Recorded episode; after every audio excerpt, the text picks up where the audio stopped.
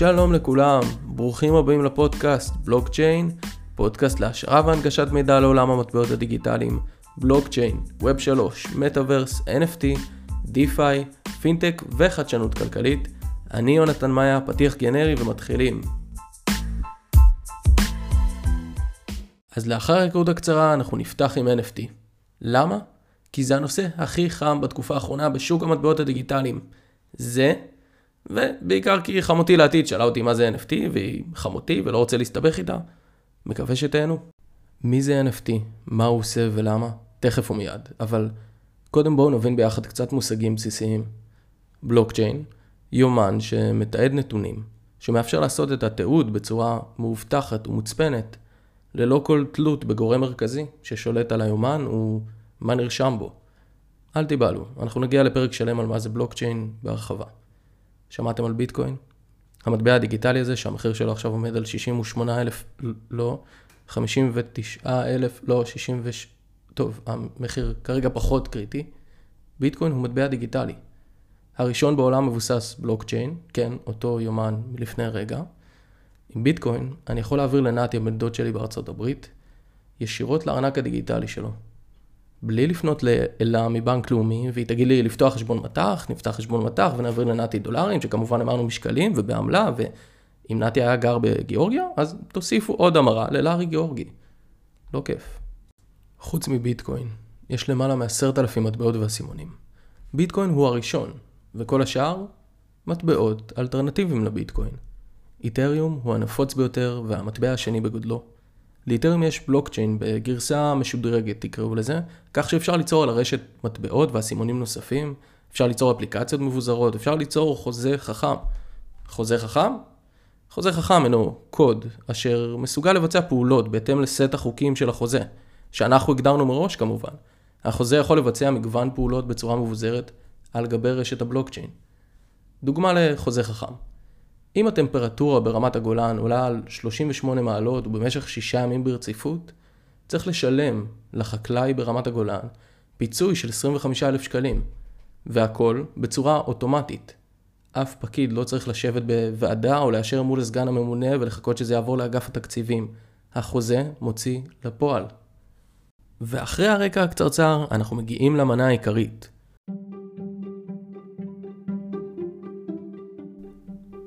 NFT ה-NF ב-NFT מייצג Non-Fungible, אבל בואו נבין ביחד מה זה Fungible בכלל.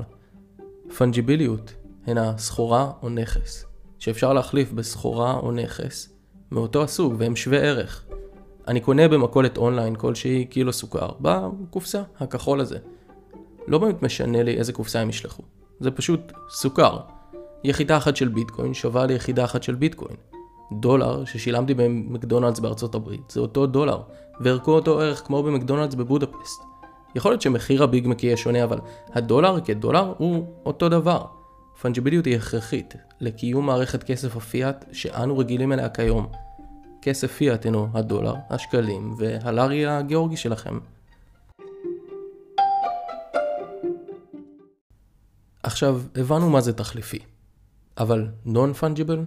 ניחשתם נכון, ללא יכולת החלפה. המונליזה, ללא יכולת החלפה. יש אחת כזאת, מקורית. הנעליים שלי מהמילואים, יש רק זוג אחד כזה, וזה... הם הלכו איתי כברת דרך, לא נראה לי שמישהו ירצה לנעול אותם. אני לא יכול באמת להחליף אותן עם מישהו. ה-T ב-NFT הינו טוקן, אסימון. ולבסוף קיבלנו תופים בבקשה. אסימון חסר תחליף. על גבי רשת האיתריום, בגלל שהבלוקצ'יין שלו מאפשר זאת. האסימון הזה הוא ייחודי, והמידע שעל האסימון הזה הוא ייחודי. המינוח המקצועי הוא טוקן ERC721, ישנו עוד טוקן עם סימבול אחר למטרה אחרת, חצי fungible יות. ERC 721 הינו טוקן ייחודי, והוא מגדיר את הממשק המינימלי שהחוזה החכם צריך ליישם כדי לנהל ולסחור באסימונים ייחודיים אלו. עכשיו השימוש הראשון ב-NFT היה באוגוסט 2015. הייתה פלטפורמה שבה יכולתם להפקיד כסף בפלטפורמה ולקבל בתמורה יכולת לרשום הודעה ולהצפין אותה בתור טוקן דיגיטלי. אז עוד לא קראו לזה NFT.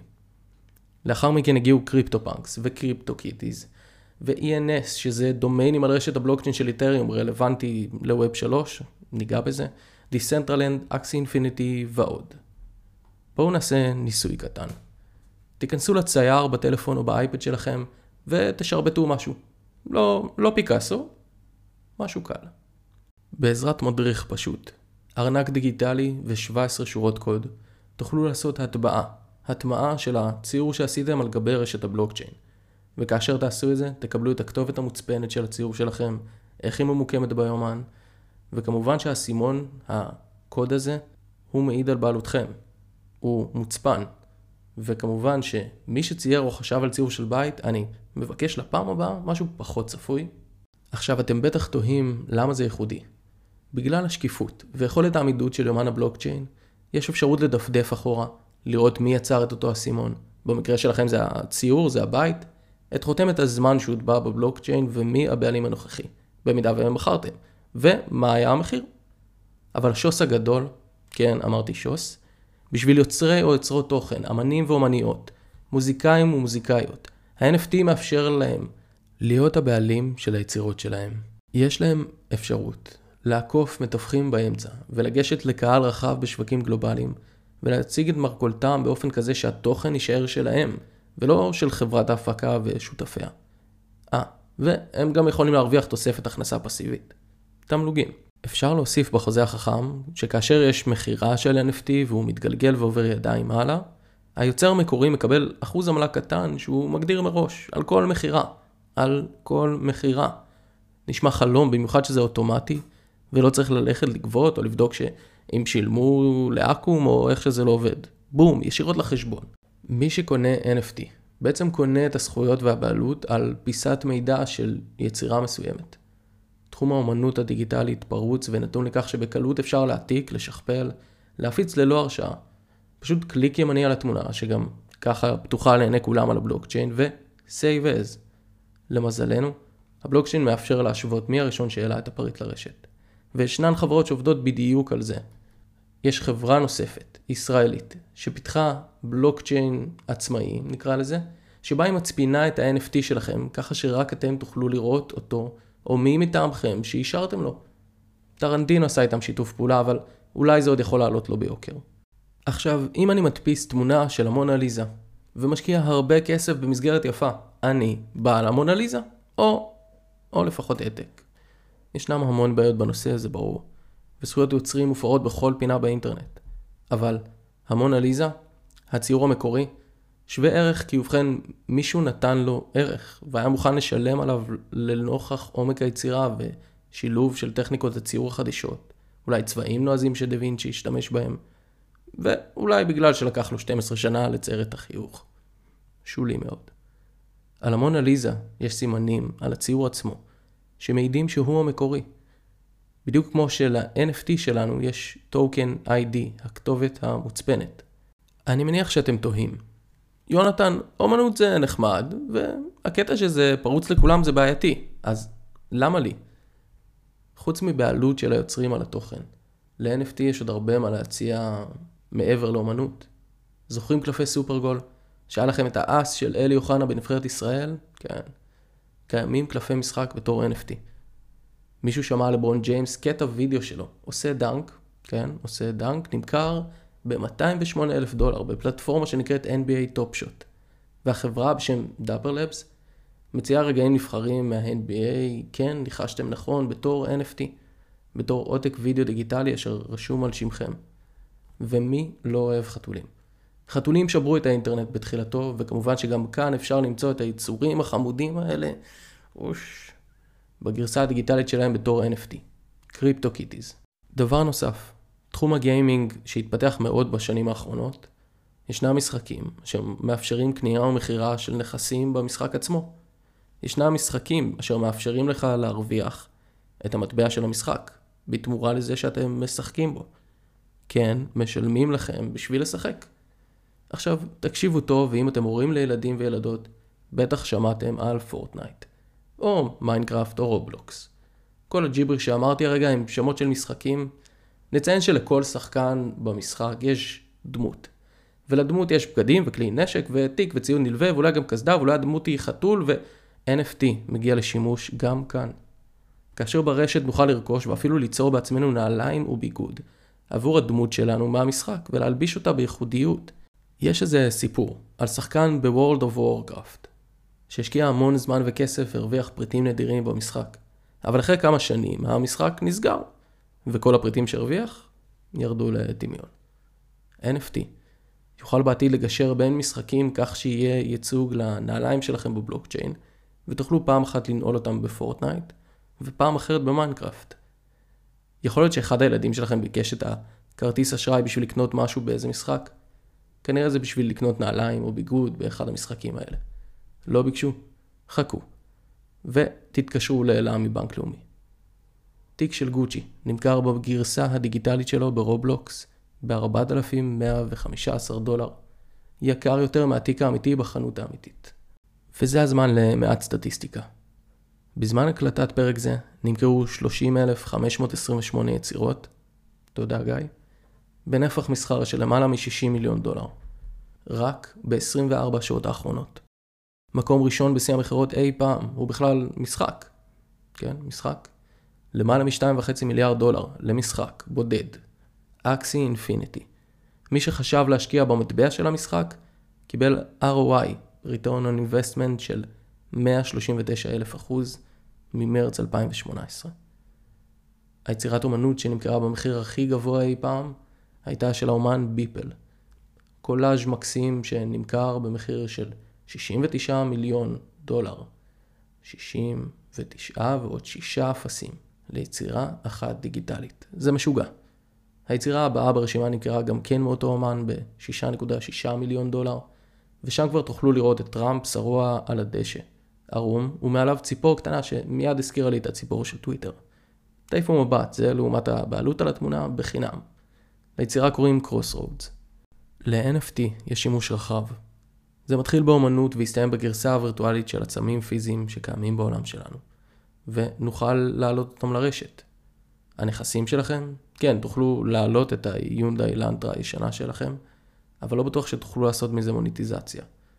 לעומת זאת, קניתם קולקציית גיפים או תמונות, תוכלו לשים את זה לתצוגה על קירות הבית הווירטואלי שבניתם, על גבי הקרקע שקניתם ב Decentraland, כאשר אתם מארחים חברים. כן, שמעתם נכון, אפשר לקנות קרקע בפלטפורמה דיגיטלית. תקראו לזה metaverse, omniverse, תקראו לזה איך שאתם רוצים. את הקרקע אפשר יהיה להשכיר בדיוק כמו נדל"ן אמיתי. שימו לב שבמשחק מבוזר שנקרא The Sandbox, אני פשוט יורה לכם שמות של מטאוורסים לא להיבהל, הציעו קרקעות למכירה. וכחלק משיתופי הפעולה הם חברו לראפר סנופ דוג, שרכש קרקע גדולה במרכז המפה שלהם. ואחרי שהשיתוף פעולה יצא לאור, קרקע ליד הקרקע של סנופ דוג נמכרה ב-450 אלף דולר.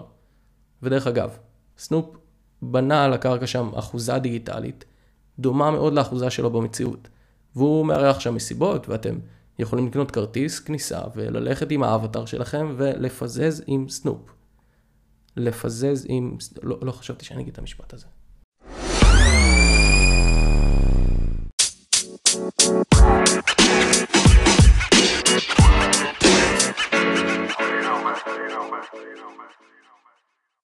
קיימים כבר לא מעט רשתות ומטבעות ופרויקטים שחלק מתמהיל הקהילה תומכים ב-NFT, וניגע בכולם בפרקים הבאים.